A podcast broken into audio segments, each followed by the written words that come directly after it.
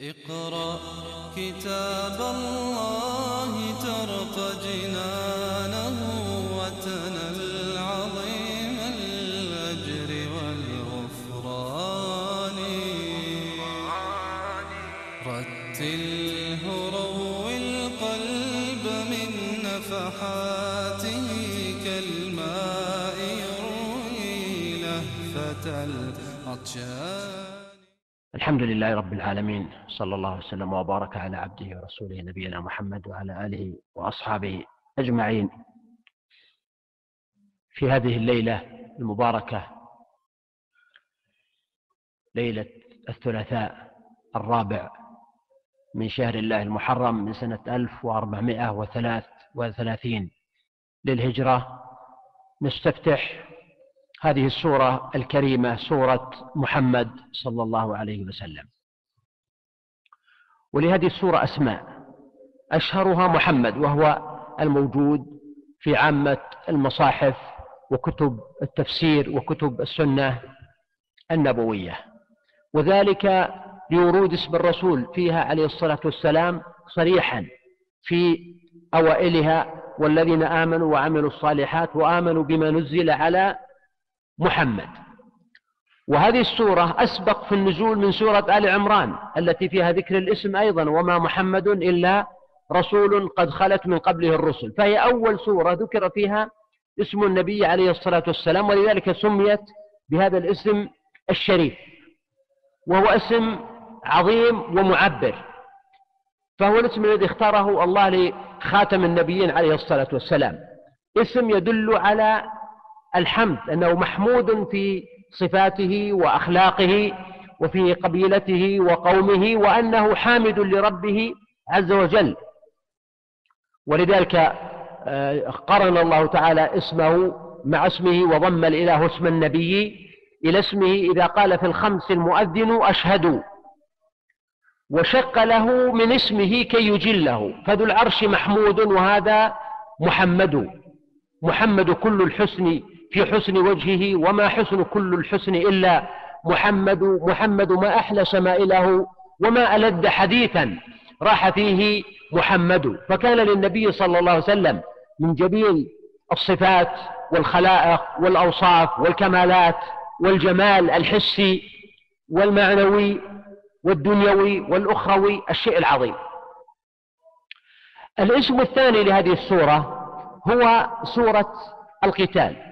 وهذا نقل عن بعض الصحابة رضي الله عنهم وكأنهم أخذوه من السورة ذاتها كأن الله سبحانه وتعالى سمى هذه السورة سورة القتال كما في قوله ويقول الذين آمنوا لولا نزلت سورة فإذا نزل لولا أنزلت سورة فإذا نزلت سورة محكمة وذكر فيها القتال. رأيت الذين في قلوبهم مرض ينظرون إليك نظر المغشي عليه من الموت.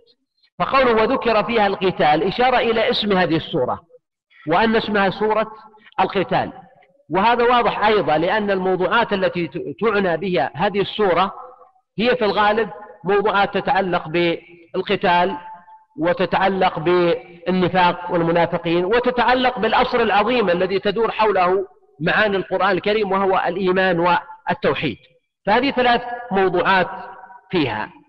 الاسم الثالث لهذه السورة هو الذين كفروا. وهذا جاء في صحيح البخاري. سورة الذين كفروا. وذلك لأن هذا أول حرف وأول كلمة فيها الذين كفروا وصدوا عن سبيل الله. وهي سورة مكية باتفاق العلماء. وقيل إنها مدنية نقل عن الضحاك والسدي أن السورة نزلت بالمدينة وهذا وهم في الغالب. والصحيح أن السورة مدنية وليست مكية السورة أنا أخطيت بالنسبة ولا كلام صح؟ السورة مكية ولا مدنية؟ ها؟ إيه لا أنا إذا أنا أخطأت السورة مدنية بإجماع العلماء والمفسرين. وقال بعضهم إنها مدنية وممن قال وقال بعضهم إنها مكية وممن قال إنها مكية السدي والضحاك وجماعة. قالوا إنها نزلت بمكة وهذا وهم. والصحيح أنها نزلت بالمدينة وقصة السورة كلها بما في ذلك النفاق النفاق لم يظهر إلا في المدينة المنورة وكذلك القتال لم يشرع إلا بالمدينة المنورة والقصص الواردة في هذه السورة آه، هي قصص المدينة النبوية.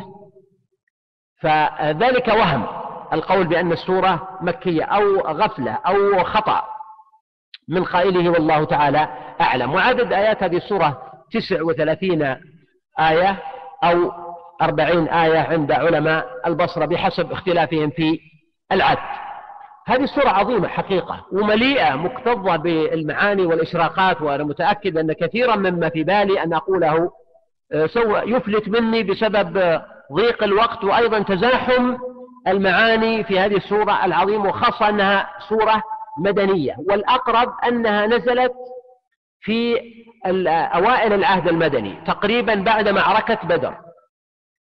ولذلك تجد هذه السورة آه، سورة مليئة بالقوة ومليئة بالإغلاظ على الكافرين وسورة مزلزلة مجلجلة مدمدمة على هؤلاء الناس لأنها فعلا نزلت في ظروف صعبة وظروف خطيرة فيما يتعلق بالإسلام واستئصال شأفة الإسلام. وخطط سرية لقتل الرسول صلى الله عليه وسلم وإبادة المسلمين وأشياء من هذا القبيل. فكان الظرف الذي نزلت فيه آه، ظرفا يستدعي التحريض تحريض المؤمنين وتقويتهم وشد أزرهم. وهذا ما هو ظاهر في هذه السورة حتى من بدايتها. وهي بداية فعلا غريبة ولافتة للنظر. أول ما تبدأ السورة الذين كفروا. ما أعرف سورة أخرى بهذا الشكل. الذين كفروا وصدوا عن سبيل الله أضل أعمالهم. والكفر معروف هو الستر فهم كفروا بالله سبحانه وتعالى وخالفوا الفطرة التي فطرهم الله تعالى عليها. وأيضا هم جحدوا الأدلة الموجودة في عقولهم على الإيمان. فهذا معنى كفروا. ولكنه قال بعد ذلك وصدوا. الذين كفروا يعني المشركين وإذا أطلق هذا اللفظ في القرآن غالبا يقصد به المشركون. إلا إذا وجد دليل آخر يدل على إرادة غيرهم. هنا قال الذين كفروا. ثم قال وصدوا عن سبيل الله. إما أن يكون المعنى صدوا أنفسهم. مثل ما تقول فلان رأيته فصد عني مثلا. يعني بنفسه أعرض عني. فيكون المعنى صدوا عن سبيل الله صدوا أنفسهم عن سبيل الله. ولم يلتفتوا إلى الأدلة وإلى الدواعي. وهذا دليل على أنه يتحدث عن أولئك الناس الذين جاءتهم أدلة الرسالة وعلاماتها وحججها فأعرضوا عنها وكفروا وجحدوا بها. واستيقنتها أنفسهم ظلما وعلوا. هؤلاء هم الذين معهم المعركة. ويحتمل أن يكون قوله وصدوا عن سبيل الله. إشارة إلى أنهم صدوا غيرهم عن سبيل الله. يمكن يكون صدوا غيرهم عن سبيل الله من خلال التشويش. وقال الذين كفروا لا تسمعوا لهذا القرآن والغوا فيه. حاولوا تشوشوا بحيث لا يعرف الناس مقصود الرسالة هذا معنى. صدوا عن سبيل الله بالتخويف. الخوف لأن الخوف أحيانا يعطل الفكر. إن نتبع الهدى معك نتخطف من أرضنا. صدوا عن سبيل الله بالقتال والتحضير للقتال. كما هو معروف ولذلك ورد أن هذه الآية نزلت في المطعمين يوم بدر من المشركين وهم اثنا عشر رجلا من مشيخة قريش مثل أبو لهب وعتبة بن ربيعة وشيبة والوليد بن عقبة والحارث بن هشام وحكيم بن حزام وإن كان حكيم أسلم فيما بعد وحسن إسلامه. المهم ملأ من قريش كانوا هم الذين يطعمون الناس. تبرع عمل خيري في زعمهم من أجل تحريض الناس على القتال والخروج لمواجهة الرسول عليه السلام واستئصال شأفة المسلمين. وأيضا من معاني الصد وصدوا عن سبيل الله أنهم كانوا يمارسون أقصى أنواع المنع مصادرة الحرية. ولذلك قال الله سبحانه أرأيت الذي ينهى عبدا إذا صلى. إذا جاء الإنسان في مكة وهو البلد الأمين يصلي فكانوا يمنعونه وربما وطأ أحدهم على رأس النبي صلى الله عليه وآله وسلم وهو يصلي. فهذا كان من الصد عن سبيل الله ووضع العقبات والعراقيل في طريق من يريد أن يستقيم ويهتدي حتى الحرية حرية العبادة لا يوجد لها عندهم معيار ولا اعتراف. ومن الصد عن سبيل الله وصدوا عن سبيل الله آه، القتل والتضييق الذي دعا المسلمين إلى الهجرة. فهاجروا إلى الحبشة ثم هاجر هاجروا إلى المدينة وقتل منهم من قتل كما هو معروف. من المستضعفين وغيرهم. فكل هذا من الصد عن سبيل الله. وهذا يدل على أن الذين كفروا هم دركات. كما أن الإيمان درجات في العلو. فكذلك الكفر هو درجات في السفول والنزول. فهناك الكافر المترأس الصاد عن سبيل الله الذي هو رأس في الكفر. مثل ما نقول أبو جهل رأس الكفر. رأس الضلالة. فقاتلوا أئمة الكفر. زعماء. هؤلاء رؤوس في الطغيان والضلال. وهم متشبثون لأن مصالحهم وسيادتهم وتسلطهم مبني على هذا الأساس.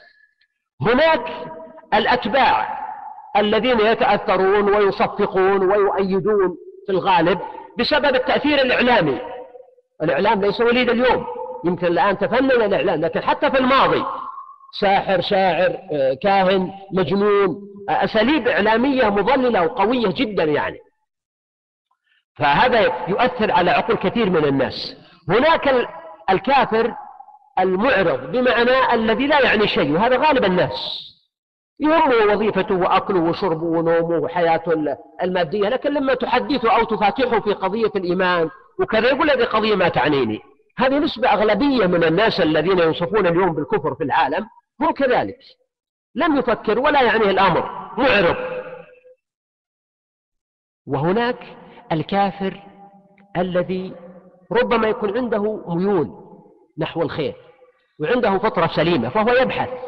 مشى في صحراء أو في بادية أو في بلد غربي أو شرقي في كندا مثلا أو في نيوزيلندا أو في روسيا. ولما كبر بدأ يسأل وبدأ يطلع وذهب إلى مكتبة الجامعة وقرأ كتبا عن الإسلام وبحث في الإنترنت وأعجبته أشياء وبقي عنده أسئلة يريد أن يستوضحها. ثم داهمه الموت وهو على هذه الحال.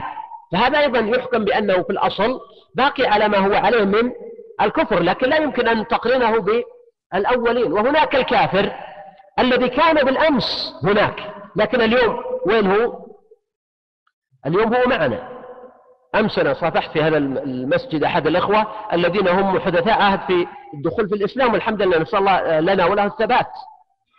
فهؤلاء الذين دخلوا اليوم في دائرة الإسلام كانوا خلال شهور أو سنوات مضت كانوا في الطريق إلينا. يبحثون ويسألون أو يلتمسون من يدلهم على الطريق. إذا ينبغي أن نراعي أن ثمة درجات وأن الأحكام القرآنية والأحكام الشرعية آه، تختلف بحسب هؤلاء الناس. ولذلك جاء في الشريعة أنه لا يقاتل الكافر حتى يبين له وتقام عليه الحجة ويدعى إلى الإسلام قبل القتال كما هو معروف. المقصود هنا قال الذين كفروا وصدوا عن سبيل الله أضل أعمالهم. وضلال العمل يعني شيئين.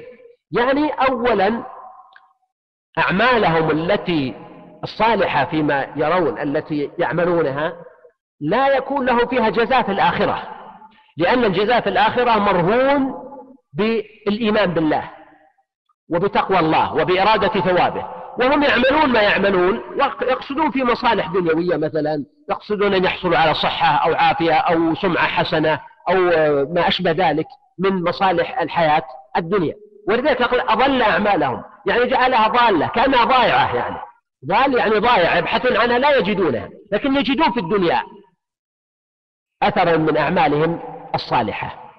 المعنى الثاني في قوله أضل أعمالهم وكأنه أقرب الله أعلم للمقصود بهذه السورة هنا أن المعنى جهودهم وخططهم ومؤامراتهم التي كانوا يرتبونها وأموالهم التي كانوا ينفقونها في سبيل الحرب على الإسلام وعلى المسلمين يجعلها الله تعالى هباء منثورا فكيدهم في تباب وفي تبار وفي دمار فكل الكيد الذي يعملونه يذهب أدراج الرياح.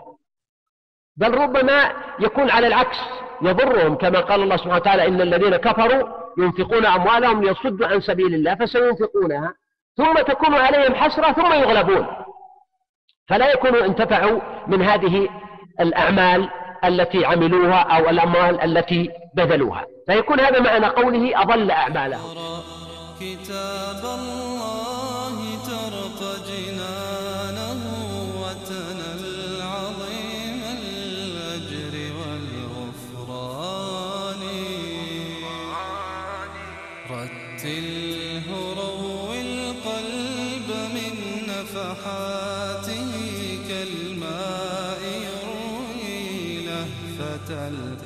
كالماء يروي لهفة العطشان